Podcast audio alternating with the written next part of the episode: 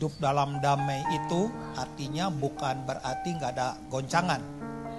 Tapi dalam goncangan, di dalamnya solid.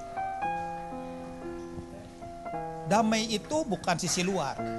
Damai itu adalah sisi di dalam.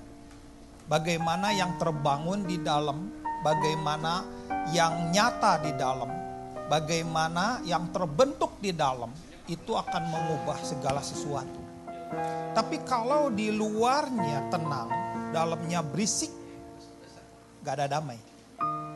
Sekalipun di luarnya segala sesuatunya baik-baik aja, tapi kalau dalamnya gundah gulana, ya definisinya bukan di luarnya yang tenang, tapi justru yang dalamnya itu yang gundah gulana itu menunjukkan dalam kita tuh berantakan.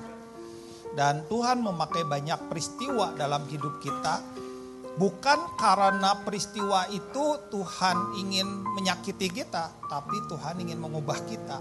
Dan peristiwa-peristiwa itu Tuhan izinkan.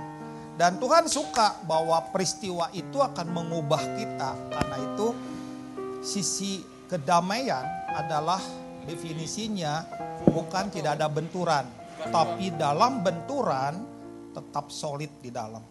Ciri orang yang damai itu ada dua hidup dalam hadirat Tuhan dan hidup dengan perkataan Tuhan. Itu sisi dalam, selalu sisi dalam. Nggak, nggak urusan dengan sisi luar. Kalau luarnya goncang-goncang apa, sisi dalam yang bikin tenang dan teduh. Sisi dalam yang bikin kita bisa melihat segala sesuatunya dengan baik. Dan itulah menurut saya definisi tentang hidup dalam damai.